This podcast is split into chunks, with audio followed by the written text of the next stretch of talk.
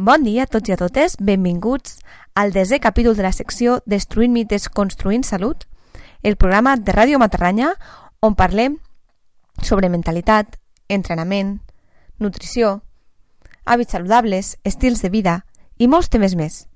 Tot això per aconseguir que el Matarranya i tots els, seus, i tots els oients d'aquesta ràdio tinguen una millor salut i siguen més conscients de què podem fer per tindre una vida més plena. Avui us vull parlar d'un mite o d'una idea que tenim que, bueno, podríem dir que és jo ja menjo bé, ja faig exercici, ja bec aigua i no m'aprimo. Esta idea crec que la tenim moltes persones i és que a vegades pensem o hem llegit que només afecta el que estem menjant i l'exercici que fem en el nostre pes. I realment no és veritat.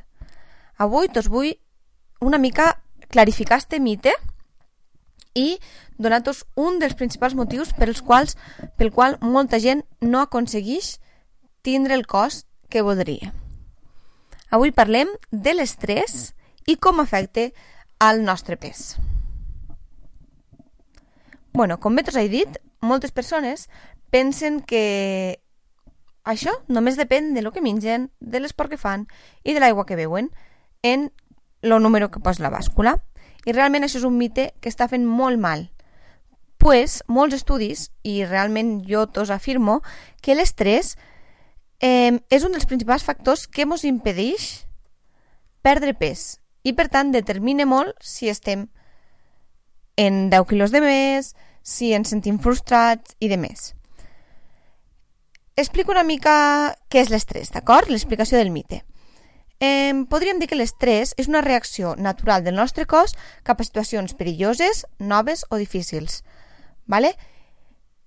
Això és el que naturalment seria l'estrès, vale? però ara mateix, en la nostra societat, doncs, moltes situacions poden fer que el nostre cos se senti estressat i actuo no? com si veigués una situació perillosa de la que ha de fugir. Pot ser doncs, a la feina, un problema, pot ser discussions en la família, pot ser relacions socials mal gestionades, pot ser un esport que ens està estressant molt, que ens estem posant massa pressió, o inclús l'alimentació ens pot produir estrès. Vale? Hem d'acceptar i hem de dir que cada persona reacciona a l'estrès de manera diferent. Vale? Eh, un per a mi pot ser el que per a mi és estressant, però una altra persona pot ser el més normal del món, perquè ja està acostumada i el seu cos no té este, esta reacció de posar-se en alerta per a fugir d'allò. Què passa en l'estrès? Moltes persones no sabem gestionar-lo, ningú mos ha ensenyat i acabem buscant petites drogues o petits, petits gestos que mos fan allunyar de l'estrès i com a això mos fan narcotitzar, diguéssim. Que podríem dir que moltes persones potser fumen, altres persones potser beuen, altres persones eh, potser tenen una addicció en l'ordenador o una addicció en el mòbil, en el Facebook i de més, però la majoria de nosaltres anem a recórrer al menjar. Moltes persones. La, el menjar el que fa és que ens dona un descans momentani, el sucre o altres aliments ens produeixen hormones que ens fan sentir plaer. ¿vale? I això fa pues, que, bueno, que l'estrès, tenir els nivells d'estrès alts, ens fa que tingués més facilitat per anar a menjar un tipus d'aliment o uns altres. Hi ha dos tipus d'estrès, l'estrès a curt plaç i l'estrès crònic. Lo que és més greu és lo crònic, com sempre, ¿vale? Te explicaré els dos. L'estrès a curt plaç és aquell que moltes persones patim quan tenim doncs, un, un acte important a la nostra vida, per exemple, pues, entregar un treball, una reunió amb el jefe, una entrevista de feina, canviar de país... Tot això són coses que ens estressen, però bueno, sabem que és fins a un moment determinat i després ja la nostra vida tornarà a la normalitat. Fins a cert punt podríem considerar que aquest estrès és positiu perquè ens fa com a sortir del nostre, del nostre, la nostra zona de confort i potser ens farà motivar més i donar més de natres. Vale? Fins a cert punt, aquest estrès és positiu. El problema és l'estrès crònic. Hi ha persones que ja s'han acostumat a aquest ritme de vida estressant, no? I inclús ho busquen. Això és molt dolent perquè el seu cos bueno, pues està tota l'estona creant l'hormona, que després parlarem d'ella, que prepare a tots els nostres òrgans per fugir. És com a... Heu de pensar que l'estrès eh, mos... Diguem que mos evitava que moríssim. Vale? Llavors, mos estressàvem quan veiem un lleó que venia per nosaltres, mos estressàvem quan no teníem menjar, mos estressàvem quan havíem de eh, ficar-nos en una situació nova. El nostre cos crea l'estrès i és en resposta a una situació perillosa per a no morir. Vale. Eh, com us pot afectar l'estrès? Eh, us pot afectar de dues maneres. bueno, hi ha moltes maneres, no? Però avui us vull parlar de dos. Una és desitjant menjars molt poc saludables, vale? No sé si t'ho haureu fixat que quan esteu estressats teniu tendència a buscar menjars doncs, més processats, dolços, pastes, fruits secs, gelats... Tots aquests aliments ens creen una hormona que es diu dopamina i la dopamina ens fa sentir super tranquils, relaxats. ¿vale? És com una petita drogueta. Sí, és una droga, però legal. Eh, si consumim aquests, aquests aliments de manera esporàdica, ¿vale? quan estem estressats així en moments puntuals, sentirem plaer. ¿vale? Però les persones que tenen estrès crònic ja estan acostumades a aquesta dopamina i per tant necessiten molt més menjar perquè la dopamina tingui efecte, aquest efecte relaxant. ¿Vale? Estos aliments també són de, en unes calories d'absorció molt ràpida. Per tant, ens fan sentir relaxat molt fàcilment. I involuntàriament los busquem. Quan estem estressats, busquem aquest tipus de menjar. Jo, per exemple, tinc una alimentació que, bueno, més o menys cada dia intento ser el que he de menjar, bueno, productes saludables, no saludables, tal i qual. I quan sento, quan veig que estic ja tenint com antojos de algo, ja caigo en ells, per exemple, esmorzo i a les 11 ja estic picant, ja el que faig és preguntar Cristina, què està passant en tu? Què estàs portant? Algo traes? I m'assento i ho escric. Ostres, pues estic estressada per això, estic nerviosa per lo altre, no estic expressant això. Vull dir, l'alimentació pot ser com a un canal per entendre'ns una mica en altres i dir, espera't, estic menjant fora de lo normal, m'estic sentint en molts antojos, algo m'està passant, algo he de solucionar. Vale? Però hem d'escoltar, hem d'escoltar les senyals del nostre cos perquè algo passe, quan mengem de més. I la segona cosa que mos, en què ens afecta l'estrès, que avui vull parlar, és mos dificulte la pèrdua de grassa. Vale? Eh, el nostre cos, quan està estressat, com us he dit, crea un desbalanç hormonal per a sobreviure pues, en aquesta situació d'estrès.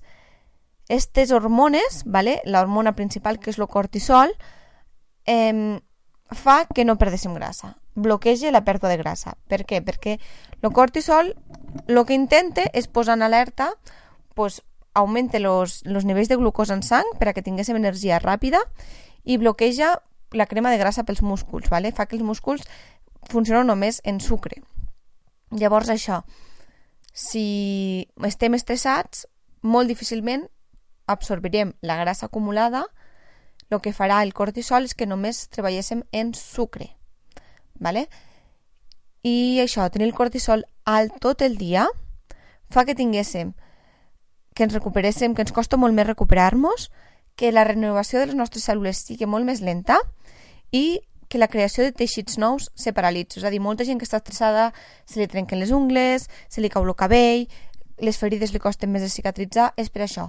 Tenim el cortisol molt alt i els nostres òrgans, el nostre cos, estan com a preparant-se i en alerta per a que els músculs puguen reaccionar molt ràpid. I això es fa mitjançant el sucre vale? i totes les altres funcions les deixa per a quan estiguin tranquils. Què diu la història? Bueno, com sempre, parlem una mica de què diu la història i, bueno, tots sabeu que els nivells d'estrès que portem actualment són brutals, sense precedents, i és que portem uns ritmes de vida frenètics. Corrent de casa a la feina, de la feina al gimnàs, del gimnàs a fer el sopar, al súper, a cuidar els xiquets... Bueno, és impressionant. I, per altra banda, els pocs moments que tenim lliures, molts passem connectats a la tecnologia perquè no sabem disfrutar de l'entorn on estem, no sabem estar tranquils en altres mateixos i, ostres, és que el cervell està totalment tot el dia funcionant. Tot el dia. 24-7, diguéssim, com diuen les cançons. I uf, és molt complicat. Crec que si giràrem una mica la vista atrás, només tan sols 150 anys atrás, o 100, ¿vale? y miréssim com vivien les persones, pues bueno, vivien en los ritmes del sol, los ritmes circadianos que es diuen que s'estan posant tan de moda, que és molt important sigui una mica el ritme de la natura.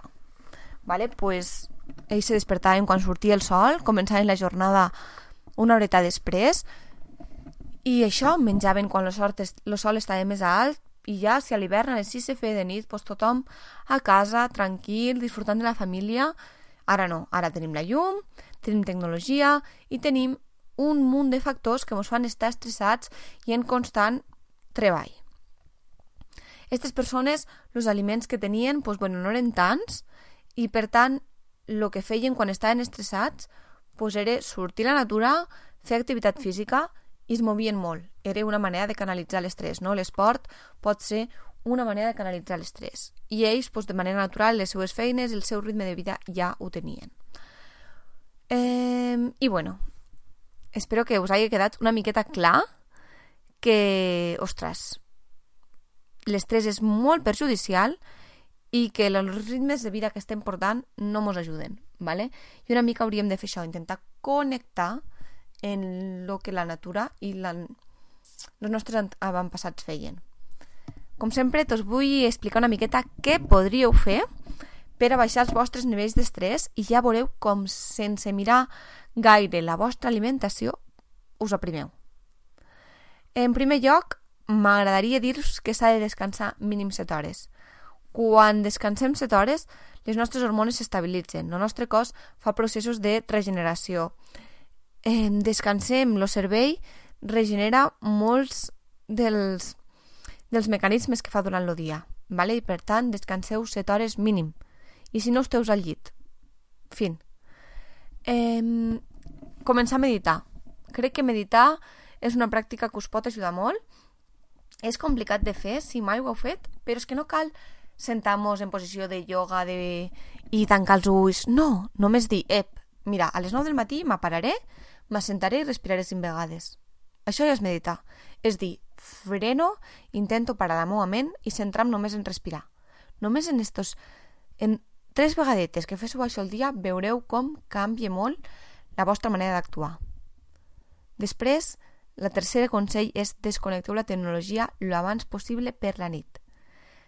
Jo, per a mi, un dels meus ideals i quan millor m'he sentit és quan tango la tecnologia a les 8. No sempre puc, però si a les 8 de la nit ja, pues, de 8 a 9 me'n vaig a passejar, de 9 a 10 sopo i de 10 a 11 estic tranquil·lament parlant amb la meva parella, escrivint, llegint, passejant, sortint amb els amics a prendre alguna cosa, però prou de tecnologia i més tan tard. La llum dels mòbils i dels ordenadors mos afecta molt i fa que mos costa descansar. Vale? El quart consell és aprecieu els moments de descans i pau durant el vostre dia a dia. Si esteu a la natura, si teniu un moment per anar a dinar al, a fora, a l'exterior, prou de tecnologia. Descanseu, apagueu, traeu els mòbils, connecteu en lo present. I ja veureu com els vostres nivells d'estrès se redueixen. Intenteu pensar que el jefe ja s'apanyarà, que este moment és vostre i que la faena no hi ha res que s'espero més que ella. Vale? I per últim, l'últim consell és que practiquéssiu esport o us moguéssiu a la natura. Moure'ns és una manera de canalitzar l'estrès, de soltar tensions, de relacionar-nos amb persones i, en definitiva, aïllar-nos una mica de tot el ritme de vida que portem de feina, treball, pressions que ens posem, família, amics, problemes, etc. L'esport o el moviment és molt positiu. I, bueno, crec que consells en estos cinc ne teniu prou. I això, és només poquet a poquet cada dia dir vaig a comprometre'm en la meva salut i vaig intentar fer això. Vaig agafar una de les coses que diu la Cristina de dormir 7 hores i tancar els mòbils a les 8, tu. I ho vaig a provar una setmana, a veure què passa. I a veure què passa. I veureu com milloreu moltíssim i us sentiu molt millor. I res més, família. Jo em despedisco per esta setmana. Espero que els vostres nivells d'estrès baixen i que aprengueu a controlar-los perquè realment veureu grans diferències i grans beneficis per la vostra vida. Espero que us hagi agradat, us hagi servit molt i que ara sí diguéssiu stop a l'estrès. Res més, doncs. Eh, una abraçada molt i molt forta i ens parlem la setmana que ve. Adeu, adeu!